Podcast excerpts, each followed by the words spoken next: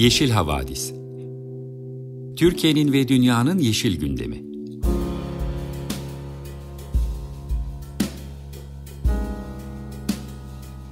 Hazırlayan ve sunanlar Demet Yaman Er, Savaş Çömlek, Dilan Altın Makas, Sare Abit ve Tansu Yeşilkır.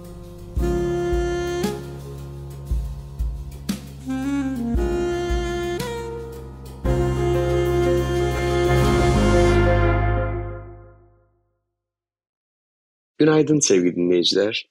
Açık Radyo 95.0 Yeşil Havadis programını dinliyorsunuz. Her zaman olduğu gibi bu haftada programımızda Yeşil Gazete'nin gözünden haftanın ekoloji ve iklim gündemini değerlendirip gündemle ilgili ya da aklımıza esen bir konuda bir söyleşi yapıyoruz. Bu hafta iklim bültenini Tansu arkadaşımız, ekoloji bültenini Demet arkadaşımız hazırladı. Ben de size söyleş köşemizde yapay zeka ile ilgili bir haberi değerlendirip konuyla ilgili genel bilgileri gözden geçirdim. Keyifli bir pazar sabahı olması değiyle programımıza müzikle başlayacağız. Mor ve Ötesi dinleyeceğiz. Oyun bozan akustik versiyonu ile dinleyelim. Günaydın sevgili Açık Radyo dinleyicileri. Ben Tansu Yeşilkır. Birazdan sizlere iklim bültenini sunmaya başlayacağım ancak tabii hepimizin gündemi seçim ve bununla ilgili birkaç şey söylemek istiyorum. Hani denir ya demokrasi sadece seçim günleri sandığa gidip oy kullanmaktan ibaret bir şey olmamalı yurttaş için. Çok daha geniş katılım olanakları sunuyor olmalı. Ama biz ülkece bu noktada bile değiliz. Bunu görüyoruz değil mi? Yani biz sadece oyumuzu kullanıp evimize dönme lüksüne de sahip değiliz. Biz oyumuzu kullanıp kendi oyumuza başkalarının oyuna sonuna kadar sahip çıkma sorumluluğunu da üstümüzde taşımalıyız. Bu noktada bana kalırsa işte bunu da devlet yapsın, bunu da desteklediğim partinin örgütü yapsın demeyelim lütfen bu, bu sefer demeyelim. Bakın çünkü birçok imkan iktidarın elinde olmasına rağmen kamu kaynakları, medyanın büyük çoğunluğu iktidar için kullanılıyor olmasına rağmen iktidarı destekleyenler, iktidarın örgütlü insan gücü bu şekilde düşünmüyor. Nasıl olsa oylarımız emin ellerde, nasıl olsa onların başına bir şey gelmez deyip çekilmiyorlar. Bunu 14 Mayıs seçimlerinde sandıkta görevli olmuş insanlar olarak az çok hepimiz görmüşüzdür. Nasıl da örgütlüler diye konuştuk sonrasında değil mi? Ama çok umut verici şeyler de oluyor. İnsanlar müşahitlik için başvuruyor, kurullara girmek için başvuruyor. Ee, maddi olanaksızlıklardan ötürü sandıklara gidemeyecek insanlar için kampanyalar düzenleniyor. Hepimiz elimizi taşın altına olabildiğince koymaya çalışıyoruz. Lütfen o yüzden en azından en azından oy hakkımızı kullanalım. Yapabiliyorsak sonuna kadar oyumuza sahip çıkalım. Başkalarının oyunu kullanması için onlara destek olalım. Gördüğümüz, görebileceğimiz hukuksuzluklar, usulsüzlükler karşısında dik duralım, hakkımızı savunalım, avukatlardan yardım isteyelim, bunlarla mücadele edelim sonuna kadar. Çünkü hepimizin geri dönüp de o gün keşke şunu da yapsaydım, bunu da yapsaydık demeyecek şekilde önlem almamız çok önemli. Ben bu fırsatı en iyi şekilde değerlendireceğimize inanıyorum. Çünkü biz genç kadınlar, adalet isteyenler, adalet arayanlar ne kadar önemli bir eşikte olduğumuzun farkındayız ve ne yapmamız gerektiğini biliyoruz. Bu konuyu burada kapatayım.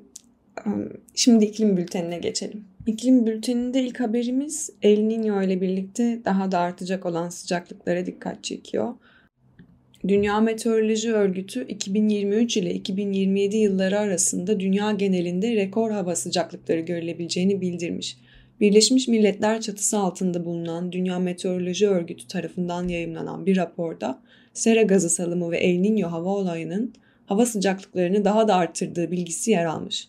Raporda %98 ihtimalle 2023 ila 2027 yıllarından en az birinin en sıcak yıl ve 5 yılın tamamının da küresel hava sıcaklıklarının rekor seviyelere ulaştığı bir dönem olacağı belirtilmiş. Söz konusu dönemde yıllık hava sıcaklık ortalamasının sanayi devrimi öncesine oranla 1,5 dereceden daha fazla olacağı söylenmiş %66 ihtimalle yani Paris Anlaşması hedefini geçeceği. Keza 2027'ye kadar küresel hava sıcaklıkları rekor seviyelere ulaşabilecek diyor. El Niño iklim kriziyle birleşince tabii etki daha da büyüyecek. Raporda sera gazı emisyonunun da okyanusların ısınması ve asitlenmesine, buzulların erimesine, deniz seviyesindeki yükselişle aşırı hava olaylarına yol açtığı ifade edilmiş. Raporda açıklamalarına yer verilen Dünya Meteoroloji Örgütü Genel Sekreteri Petteri Talas, rekor sıcaklıkların sağlık, gıda güvenliği, su yönetimi ve çevre açısından geniş kapsamlı sonuçları olacağını söylemiş. Talas bu sonuçlara karşı hazırlıklı olunması uyarısında bulunmuş. Ayrıca Talas yaptığı basın açıklamasında El Niño'nun insan kaynaklı iklim değişikliğiyle birleşerek küresel sıcaklıkları keşfedilmemiş bir bölgeye iteceği uyarısında bulunmuş. Geçen yılki raporda bu ihtimal yaklaşık %50 olarak belirtilmiş. Yeşil Gazete'nin haberi şöyle devam ediyor. Yıl ortasında El Niño'ya geçiş dünya genelinde bilim insanlarını endişelendiriyormuş. Uzmanlar hava olayının iklim değişikliğinden farklı olmakla birlikte muhtemelen aşırılıkları artıracağı, Kuzey Amerika'ya daha sıcak hava, Güney Amerika'ya ise kuraklık getireceği ve Amazonlarda daha büyük yangın riskine neden olacağını dile getirmiş. Bunlar bizi bekleyen şeylerle ilgili ama iklim krizinden hala hazırda çok yakıcı bir biçimde etkilenen coğrafyalar ve topluluklar mevcut. Ve iklim krizinin nasıl adaletsizlik ürettiğini biliyoruz. Yani krize en az katkısı olanlar krizin olumsuz etkilerinden, yıkıcı sonuçlarından en çok etkilenenler oluyor. En kırılgan topluluklar oluyor. Sıradaki haber böyle bu coğrafyalarla ilgili. Mart ayında yaşanan şiddetli yağmurlar ve beraberinde gelen ani seller Etiyopya ve Somali'de 22 kişinin ölümüne yol açmış ve 460 bin üzerinde kişiyi etkilemiş. Yaklaşık 3 yıldır aşırı kuraklık yaşayan ülkeyi vuran sel bölgede ağır hasara yol açmış. Son yağışlar 1000 hektardan fazla ekili araziyi sular altında bırakarak Etiyopya ve Somali'nin tarıma dayalı ekonomilerini büyük bir darbe indirmiş. Tarım, Etiyopya'da nüfusun %67'sine ve Somali'de %80'ine istihdam sağlıyormuş ve bölgedeki tarım arazilerinin çoğu yağmurdan besleniyormuş. Büyük kısmında ağır bir kuraklık hüküm süren Somali'de aşırı yağışların yarattığı selin bilançosu büyüyor diyor başka bir haber. Merkezdeki Beledweyne kentinin %90'ı sular altında kalmış. Tarımsal alanlar yok olmuş zaten yetersiz beslenen çocuklar açlık riskiyle karşı karşıya diyor. Birleşmiş Milletler'de yaklaşık 500 bin kişinin bölgedeki evlerini terk ettiğini bildiriyormuş. Şimdiki haberse bir başka küresel güney ülkesi, Güneydoğu Asya ülkelerinden Myanmar'la ilgili. Bengal körfezindeki şiddetli bir siklonik fırtına pazar günü karaya ulaşarak Myanmar'ın batısına iniş yapmış ve ülkenin bazı bölgelerine ve dünyanın en savunmasız topluluklarından bazılarının yaşadığı komşu ülke Bangladeş'e tehlikeli bir fırtına dalgası, şiddetli rüzgarlar ve şiddetli yağmurlar getirmiş. Yıllardır bölgede etkili olan en şiddetli fırtınalardan biri olan Moka kasırgası öncesi yetkililer ve yardım grupları günler süren hazırlıklar yapmış. Pazar günü erken saatlerde dünya üzerinde oluşabilecek en güçlü tropik siklonlardan biri olan kategori 5 gücüne ulaşan Moka kasırgası saatte 280 km hızla zirveye ulaştıktan sonra zayıflayarak güçlü bir kategori 4 fırtınası olarak karaya inmiş. Birleşmiş Milletler Myanmar'da 2 milyon kişinin rüzgar, yağmur ve olası sel nedeniyle risk altında olduğu konusunda uyarmış. Birleşmiş Milletler Göç Dairesi Bangladeş'te kıyı boyunca Cox Bazar bölgesinde yaşayan 1 milyona yakın mültecinin özellikle savunmasız durumda olduğunu söylemiş. Pazar günü Myanmar'da 5 kişinin hayatını kaybettiği bildirilmiş. Yetkililer Moka'ya karşı yapılan hazırlıklar kapsamında Bangladeş ve Myanmar'da yüz binlerce insanın tahliye edildiğini aktarmış. Myanmar'ın fırtınadan en çok etkilenmesi beklenen dört bölgesinde yaklaşık 6 milyon insan hali hazırda insani yardıma muhtaç durumundaki topluluklarmış. Dünya Gıda Programı'nın Myanmar'dan sorumlu müdür yardımcısı etkilenen bölgelerin çatışma, yoksulluk ve zayıf toplum direncinin yükü altında olduğunu ifade ederek bir felaketi daha kaldıramazlar demiş. Bülteni küresel kuzeyden güzel bir haberle kapatalım. Enerji Düşünce Kuruluşu Ember'ın yeni raporuna göre Portekiz, geçen ay ilk kez güneş ve rüzgardan elektriğinin yarısından fazlasını elde etmiş. Nisan ayında yeni, yenilenebilir enerjiden elektrik üretiminin %51'e ulaştığını açıklayan Portekiz, Aralık 2021'deki %49'luk önceki rekoru da geride bırakmış. Ülkedeki güçlü güneş enerjisi dağıtımı sayesinde İspanya'dan elektrik ithalatı ve düşük taleple hidroelektrikte kuraklıktan kaynaklanan düşüşe rağmen fosil yakıtların ürettiği enerji %24 olarak ölçülmüş. Ember analisti Avrupa bir kriz kışından çıkarken rüzgar ve güneş enerjisindeki güçlü büyüme meyvelerini veriyor demiş. Bu baharda yenilenebilir enerji kaynakları şimdiden Avrupa Birliği çapında kuraklığın ve yüksek elektrik fiyatlarının etkisini azaltmanın yanı sıra emisyonları da azaltıyor. Özellikle güneş enerjisindeki hızlı dağıtım bu yaz çok daha fazla rekorun geleceğini vaat ediyor demiş. Böylelikle iklim bülteninin sonuna geldik. Ben şimdiden hepinizin emekleri için çok çok çok çok teşekkür ediyorum. Haftaya pazar günü seçime gideceğiz ve elimizden geleni yapacağız. Ve size bu hafta Mor ve Ötesi'nden Uyan isimli şarkıyı seçtim. Merhaba sevgili Yeşil Havadis dinleyicileri. Ben Demet Yaman Er. Bu hafta sizler için ekoloji bültenini ben sunuyorum. Bültenimizin ilk haberi 6 Şubat depreminde en çok etkilenen bölgelerden biri olan Hatay'dan geliyor. Çünkü Hatay moloz altında ve %90 oranında asbest soluyor. Hatay'da depremin ardından yaşanan en büyük sorunlardan biri olan moloz dağlarına henüz çözüm bulunabilmiş değil. Ağır hasarlı binaların yıkılmasıyla başlayan moloz kaldırma işlemi bütün tepkilere rağmen ne yazık ki özensiz ve kötü niyetli bir hızla artarak devam ediyor. Başlangıçta iki noktaya boşaltılan molozlar mahalle araları da dahil olmak üzere 22 noktaya boşaltılmaya başlandı. Vatandaşlar ise tedbirsizce çevreye yığılan molozlar nedeniyle başta insan sağlığı olmak üzere zeytin ağaçları, sulak alanlar ve yaşam alanlarının büyük tehdit altında olduğunu haykırmaya devam ediyor. Bölgeyi ziyaret eden İklim Adaleti Koalisyonu üyeleri ise yaptıkları incelemeler sonucunda anayasanın sağlık hizmetleri ve çevrenin korunması başlıklı 56. maddesi ile zeytinciliğin ıslahı ve yabanilerin aşılattırılması kanunu ihlal edilerek deprem molozlarının tarım alanlarına ve su havzalarına dökülmesi nedeniyle kamu davası açılması için suç duyurusunda bulundu. Koalisyon ile birlikte alanda incelemelerde bulunan Türk Mühendis ve Mimar Odaları Birliği, Çevre Mühendisleri Odası İstanbul Şube Yöneticisi Medet Güney'de depolama alanlarının evler, seralar, orman arazileri ve dereler gibi yaşam alanları yakında yapıldığını, molozların içinden ise sadece demirlerin ayrıştırıldığını söylüyor.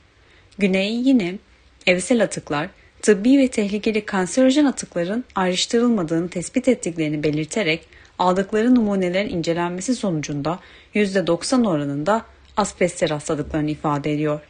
Ve bütün bunlar biliyoruz ki insan hayatının, doğanın, çevrenin ve geleceğimizin bu kadar ucuz görüldüğü ve hiçe sayıldığı bir anlayış altında bulunmamızdan kaynaklanıyor. Deprem ve tedbirsizlik nedeniyle sayısını asla tam olarak bilemediğimiz kadar yaşadığımız can kayıplarına bu şekilde etkisini yine çok yakın zamandan başlayarak uzun yıllar görmeye devam edeceğimiz başka kayıpların ekleneceğini biliyoruz. Bu nedenle lütfen ama lütfen kendimize, çocuklarımıza, toprağımıza, suyumuza ve havamıza sahip çıkalım. Geleceğimiz üzerinde daha fazla söz sahibi olalım. Yalnızca pasif yönetilenler değil, yönetim süreçlerinin başta oy kullanmak ve oyumuzu takip etmek üzere çok daha fazla aktif katılımcısı olalım. Geleceğimizi kendimiz için hep birlikte kuralım. Bültenimizin ikinci haberi ise Çorlu'dan. Biliyorsunuz daha önce evvelki programlarımızda Türkiye'de kalan sayılı meraların da çeşitli projeler nedeniyle tehdit altında olduğunu ve bu nedenle üretimin, hayvancılığın neredeyse tükenme noktasına geldiğini sizinle paylaşmıştık. Şimdi de Cumhurbaşkanı Recep Tayyip Erdoğan'ın damadı Selçuk Bayraktar'ın yönetim kurulu başkanı olduğu Baykar Makine Sanayi ve Ticaret Anonim Şirketi'ne devredilen Çorlu Seymen Merası'ndaki alanla ilgili plan değişikliği yapıldı. 71 futbol sahası büyüklüğünde yaklaşık 50 hektarlık alan insansız hava aracı ARGE, test, eğitim, bakım ve üretim faaliyetlerinde kullanılmak üzere Baykar Makine Sanayi ve Ticaret Anonim Şirketi İstanbul Özel Endüstri Bölgesi'ne dahil edilerek Sanayi ve Teknoloji Bakanlığı'nca İstanbul Özel Endüstri Bölgesi ilave alanı olarak ilan edilmiş ve 22 Mart 2023 tarihinde resmi gazetede yayımlanarak yürürlüğe girmişti. Trakya Alt Bölgesi Ergene Havzası 1 bölü 100 bin ölçekli revizyon çevre düzeni planında kentsel yerleşme alanı ve hava alanı, havalimanı kullanımında kalan özel endüstri bölgesi ilave alanının Sanayi ve Teknoloji Bakanlığı'nın ve Baykar Makine Sanayi ve Ticaret Anonim Şirketi'nin talebi uyarınca çevre düzenleme planında endüstri bölgesi olarak düzenlenmesine yönelik Trakya Alt Bölgesi Ergene Havzası 1 bölü 100 bin ölçekli revizyon çevre düzeni planı değişikliği hazırlandı. Hazırlanan Ergene Havzası 1 bölü 100 bin ölçekli revizyon çevre düzeni plan değişikliği 11 Mayıs'ta Çevre, Şehircilik ve İklim Değişikliği Bakanlığı İl Müdürlüğü'nün web sitesinde ve e-plan otomasyon sisteminde 30 gün süreyle askıya çıkarılmış durumda. Seymen Merası'ndaki 936 dekar alanın da Türkiye Jockey Kulübü'ne verilmesine ilişkin planlamanın Tekirdağ Valiliği İl Mera Komisyonu'nda değerlendirme aşamasında olduğunu da böylece yine sizlere hatırlatmış olalım. Bültenimizin üçüncü haberi ise Van Gölü ve Tuz Gölü gibi alanlar dahil Türkiye'deki 20 sulak alanın yok olma tehdidi altında olmasıyla ilgili. Doğa Derneği, Türkiye'de tehlike altındaki sulak alanlar başlıklı çalışmasında şu ana kadar 20 sulak alanla ilgili yaşanan sorunları ortaya koydu ve Türkiye'nin tüm sulak alanları kapsaması planlanan ve hazırda devam eden araştırma kapsamında Marmara, Seyfe, Tuz, Kulu, Burdur, Eğirdir, Manyas, Azap, Uyuz, Van, Uluabat, Mogan, Beyşehir, Bafa ve Yarışlı gölleri ile Yüksekova, Hürmetçi ve Belevi sazlıkları, Bargilya Tuzlası ve Kastabala sulak alanında çalışmalar yürütüldü.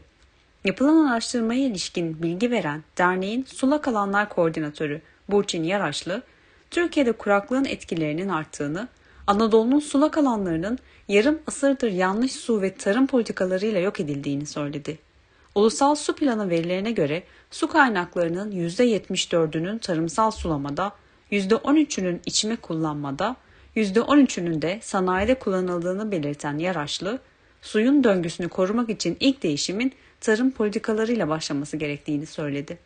Yine Sayın Yaraşlı ayrıca Anadolu'daki tüm sulak alan ekosistemlerinin var olma hakkının anayasal güvence altına alınması gerektiğini, verilere göre Türkiye'de 14'ü Ramsar, 59'u ulusal öneme haiz ve 32'si mahalli öneme haiz olmak üzere toplam 105 sulak alan bulunduğunu ve Türkiye'deki bu sulak alanların hepsinin tehlike altında olduğunu, Türkiye'deki sulak alanların yok oluşuna dair yaptıkları çalışmada son 60 yılda kaybedilen sulak alanların yüz ölçümünün 2 milyon hektara yani yaklaşık 1,5 Marmara Denizi büyüklüğüne ulaştığını tespit ettiklerini belirtti. Şu an derhal önlem gerektiren tehlike altındaki 20 sulak alan ise şöyle sıralandı. Burdur Yarışlı Gölü, Muğla Bafa Gölü, Kayseri Hürmetçi Sazlığı, Ankara Mogan Gölü, Muğla Bargilya Tuzlası, Bursa Uluabat Gölü, Van Gölü, İzmir Belevi Sazlığı, Osmaniye Kastabala Sulak Alanı, Konya Uyuz Gölü, Hakkari Yüksekova Sazlıkları, Aydın Azap Gölü, Balıkesir Manyas Gölü, Isparta Eğirdir Gölü, Burdur Gölü, Konya Kulu ya da diğer adıyla Düden Gölü, Ankara, Konya ve Aksaray sınırları içerisinde kalan Tuz Gölü, Konya ve Isparta sınırları içerisinde bulunan Beyşehir Gölü, Kırşehir Seyfe Gölü ve Marmara Gölü. Bu arada konuyla ilgili hemen güncel bir başka çarpıcı haberi de iletelim ki söz konusu tehdidin ne kadar yakında ve gerçek olduğunu da daha iyi anlayalım. Geçtiğimiz günlerde Van Gölü'nde endemik bir tür olan inci kefallerinin göç yolu kumlarla kapandığından balıkların geçiş yolu bölgedeki köylüler tarafından kazma ve küreklerle açılmaya çalışıldı. Dünyada sadece Van Gölü'nde yaşayan ve nesli koruma altına alınan inci kefalleri için 15 Nisan ile 15 Temmuz tarihleri arası göç ve üreme dönemi ve bu süreçte av yasağı uygulanıyor. Bu dönemde inci kefalleri ise tuzlu ve sodalı gölden çıkıp üremek için tatlı sulara göçüyorlar.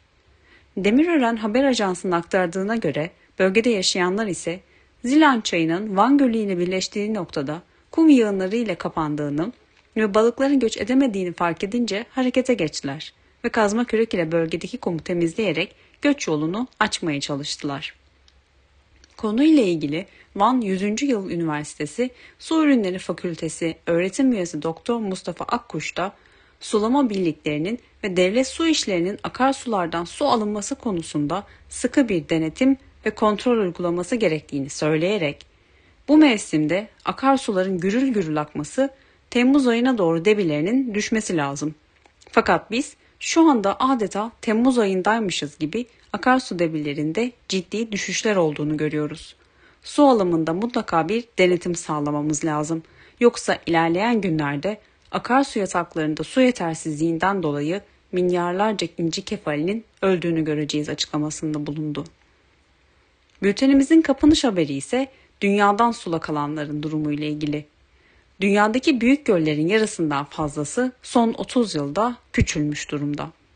Uluslararası araştırmacılardan oluşan bir ekip Avrupa ile Asya arasındaki Hazar Denizi'nden Güney Amerika'nın Titicaca Gölü'ne kadar dünyanın en önemli tatlı su kaynaklarından bazılarının yaklaşık 30 yıl boyunca kümülatif olarak yılda yaklaşık 22 gigaton su kaybettiğini bildirdi. Bu oran ise Amerika Birleşik Devletleri'nin 2015 yılında toplum su kullanımının tamamına denk geliyor. Science dergisinde bu hafta yayınlanan araştırmaya liderlik eden Virginia Üniversitesi'nden yüzey hidroloğu Fang Fang Yeo, doğal göllerdeki düşüşün %56'sının küresel ısınma ve insan tüketiminden kaynaklandığını ve ısınmanın bunun en büyük payı olduğunu söylüyor. İklim bilimcileri genellikle iklim değişikliği nedeniyle dünyanın kurak bölgelerinin daha kuru, sulak bölgelerinin ise daha nemli olacağını düşünüyor. Ancak çalışmada nemli bölgelerde bile önemli miktarda su kaybı olduğu tespit edilmiş durumda. Bilim insanları çalışma kapsamında iklim ve hidrolojik modellerle birleştirilmiş uydu ölçümlerini kullanarak yaklaşık 2000 büyük gölü değerlendirdiler ve sürdürülemez insan kullanımının yağış ve akıştaki değişikliklerin, sedimentasyonun ve artan sıcaklıkların küresel olarak göl seviyelerini aşağı çektiğini, göllerin %53'ünün 1992'den 2020'ye düşüş gösterdiğini buldular. Göller tatlı su ve yiyecek temini, su kuşu habitatı, kirleticiler ve besinler döngüsü gibi temel ekosistem hizmetlerini sağlarken küresel kara alanın %3'ünü kaplıyor. Ayrıca biyojeokimyasal süreçlerin temel bileşeni olan göller karbon döngüsü yoluyla iklimin düzenlenmesine de katkı sağlıyor. Hali hazırda sanayi öncesi zamanlardan bu yana yaklaşık 1.2 derece ısınan dünya çapında şu an yaklaşık 2 milyar insan ise su kıtlığından doğrudan etkileniyor. Ekoloji ve iklim krizi dünyayı ve özellikle bulunduğu konum dolayısıyla ülkemizi ciddi bir şekilde tehdit ederken umarım dünyanın bir bölümünde gelişmiş kim ülkelerin bu konuda hızla önlemler aldığını, kendilerini ve doğal kaynaklarını, vatandaşlarını iklim krizine karşı korumaya çalıştıklarını göz önünde bulundurur ve nasıl bir ülkede yaşamak istediğimize ona göre karar vererek gereken adımları hep birlikte atarız.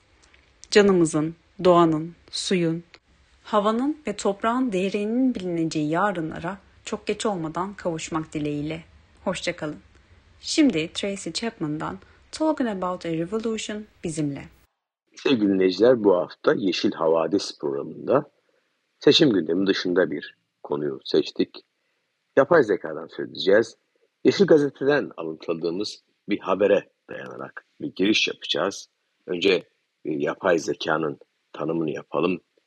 Bildiğiniz gibi insanlara dahil olmak üzere hayvanlar tarafından sahip olunan doğal zekanın aksine makineler tarafından görüntülenen zeka çeşidi olarak tanımlıyoruz yapay zekayı. Aslına bakılırsa önde gelen yapay zeka ders kitapları zeka etmenlerinin çalışması olarak tanımlıyorlar. Yani çevresini algılayan ve hedeflerini başarıyla yerine getiren, en üst düzeye çıkaran yani bu eylemi en üst düzeye çıkaran herhangi bir cihaza yapay zeka diyorlar.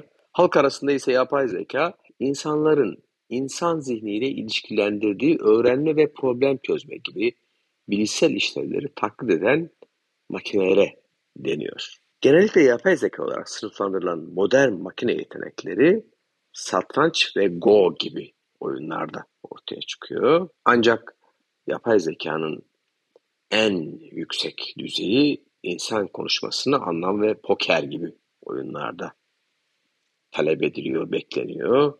Kendi kendine giden arabalar ve oyunlardaki yönlendirmelerin yanı sıra askeri simülasyonlarda eksik olmakla birlikte e, yapay zekanın e, kullanılabildiği alanlar. Yapay zeka çalışmaları sıklıkla insanın düşünme yöntemlerini taklit eden yapay yöntemler geliştirmeye yönelik. Ancak bununla sınırlı değil. Öğrenebilen ve gelecekte insan zekasından bağımsız gelişebilecek bir yapay zeka kavramına doğru yeni yönelimler oluşmakta. Bu yönelim insanın evreni ve doğayı anlama çabasına kendisine yardımcı olabilecek, belki de kendisinin daha zeki, insan ötesi varlıklar meydana getirme düşünün bir ürünü. Bu düş 1920'li yıllarda yazılan ve sonradan Isaac Asimov'un e, modern bilim kurgu edebiyatının öncü yazarlarından Karel Çapek'in eserlerinde dışa vurulmuştu. Onun Rur adlı tiyatro oyununda yapay zekaya sahip robotlar ile insanlığın ortak toplumsal sorunlarını ele alarak 1920 yılında yapay zekanın insan aklından bağımsız gelişebileceği öngörülmüştü. Yapay zekanın öncülleri ve tarihsel bilgi bölümünü çok fazla uzatmadan son zamanlarda hepimizin gündeminde olan ChatGPT'nin ne olduğundan bir süre söz edelim. ChatGPT, OpenAI firması tarafından geliştirilen ve diyalog konusunda uzmanlaşmış bir prototip yapay zeka sohbet robotu. Chatbot hem denetimli hem de takviyeli öğrenme teknikleriyle ince ayar yapılmış büyük bir dil modeli aslında. İlk model GPT-3 geliştirilmiş. OpenAI'nin GPT 3.5 dil modeli daha sonra piyasaya sürülmüştü. Yakın zamanda da GPT-4 sürümü piyasada kullanıma sunuldu. Biraz da özelliklerinden bahsedelim bu programın. ChatGPT insan konuşmaları taklit etmenin ötesinde görevleri yerine getirebilen çok yönlü bir sohbet robotu aslında. Bilgisayar programları, müzik, tele oyunlar, peri masalları, öğretici kompozisyonlar yazabiliyor. Test sonuçlarını yanıtlayabiliyor. Şiir ve şarkı sözleri yazabiliyor. Bir Linux sistemini taklit edebiliyor, bir sohbet odasını simüle edebiliyor, oyun oynayabiliyor.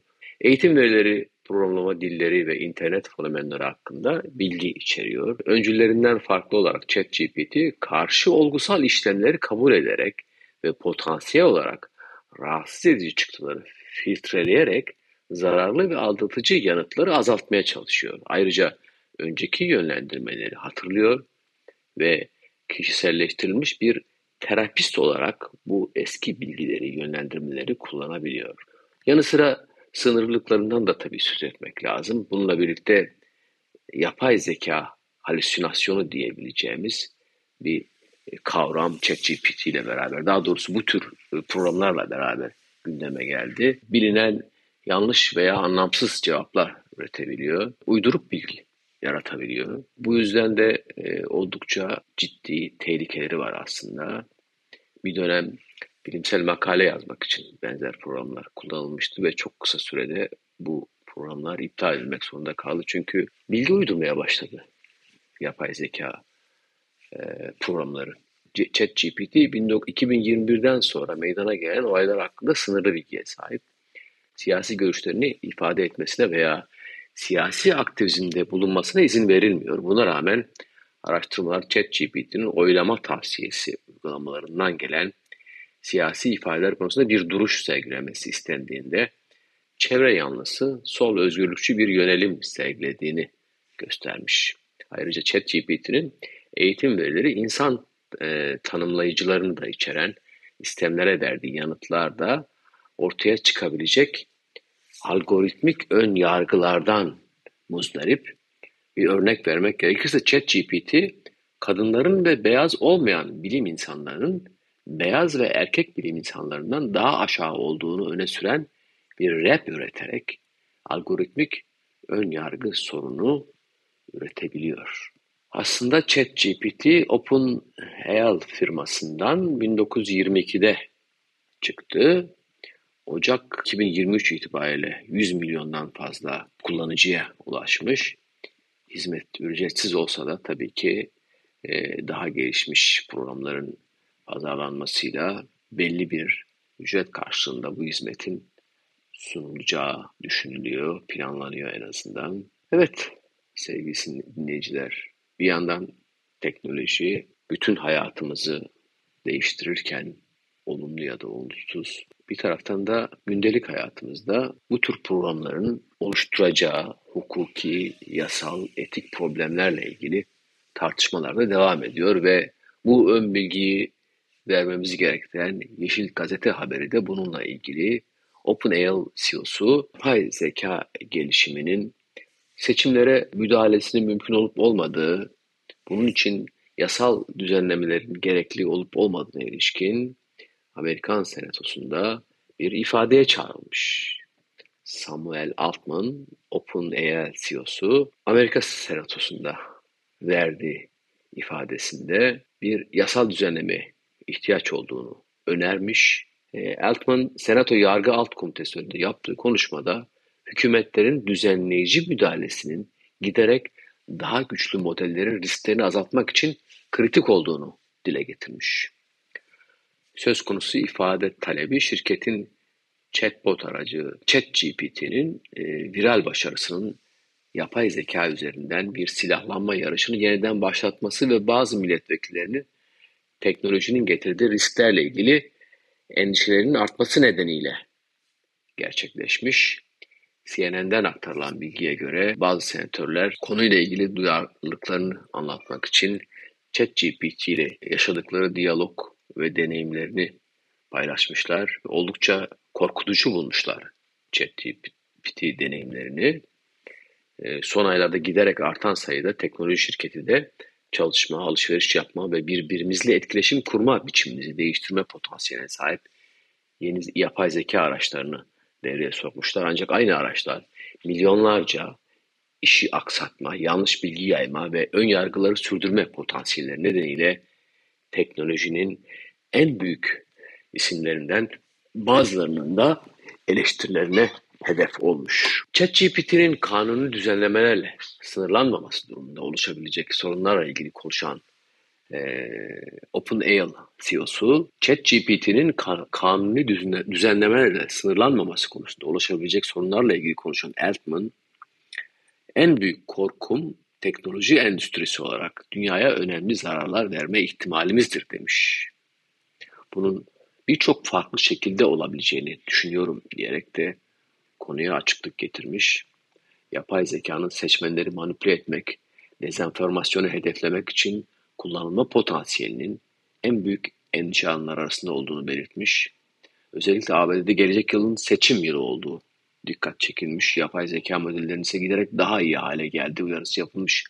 ABD hükümetinin sektörü düzenlemesinin bir yolunun da bu konuyla ilgili lisanslama yapmak olduğunu dile getirmiş. Aynı zamanda Altman e, yanı sıra IBM'in başkan yardımcısı ve gizlilik güven sorumlusu Christina Montgomery'nin de bu toplantıda, bu görüşmede, senatoda yapılan görüşmede yer aldığını öğreniyoruz. Aynı zamanda New York Üniversitesi profesörü ve kendini yapay zeka aldatmaca eleştirmen olarak tanımlayan Gary Marcus'un da senatoda konuştuğunu bu haberden öğreniyoruz.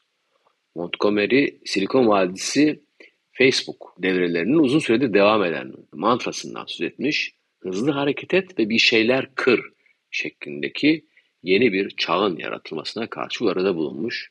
Senatörlere yapay zeka çağı bu şekilde hareket edecek bir çağ olmamalı, olamaz demiş. Hem Altman hem de Montgomery EYL'in bazı işleri ortadan kaldırabileceğini ancak yenilerini de yaratabileceğini söylemişler. Bu ayın başlarında e, Altman, e, Open AI e, CEO'su Beyaz Saray'ın etik ve sorumlu AI gelişiminin önemini vurgulama çabalarının bir parçası olarak Kamala Harris ve Başkan Joe Biden'la da görüşmüş. Open AI'nin e, kurulmasına yardımcı olan ancak daha sonra kendi yapay zeka programını oluşturmaya odaklanan Elon Musk ise OpenAI gibi yapay zeka laboratuvarlarının en güçlü AI sistemlerinin eğitiminin 6 ay süreyle durdurulması çağrısında bulunmuş. Anlaşıldığı kadarıyla teknolojinin bu alanında hem şirketler arasında ciddi rekabet var hem de ciddi etik ve hukuki sorunlar önümüzdeki günlerde bu konuyla ilgili çok fazla tartışmaya gebe gibi gözüküyor. Evet sevgili Yeşil Havadis dinleyicileri bugünkü söyleşi köşemizde yapay zekadan söz ettik. Güncel bir haberin eşliğinde. Önümüzdeki hafta yeniden görüşmek ümidiyle bugünkü programımızın sonuna geldik. Yine beğeneceğinizi umduğumuz bir parçayla size veda ediyoruz. Başladığımız gibi yine Mor ve Ötesi dinleyeceğiz. Cambaz, canlı senfonik bir yorum ayarından kaydedilmiş. Bu haftalık hoşçakalın.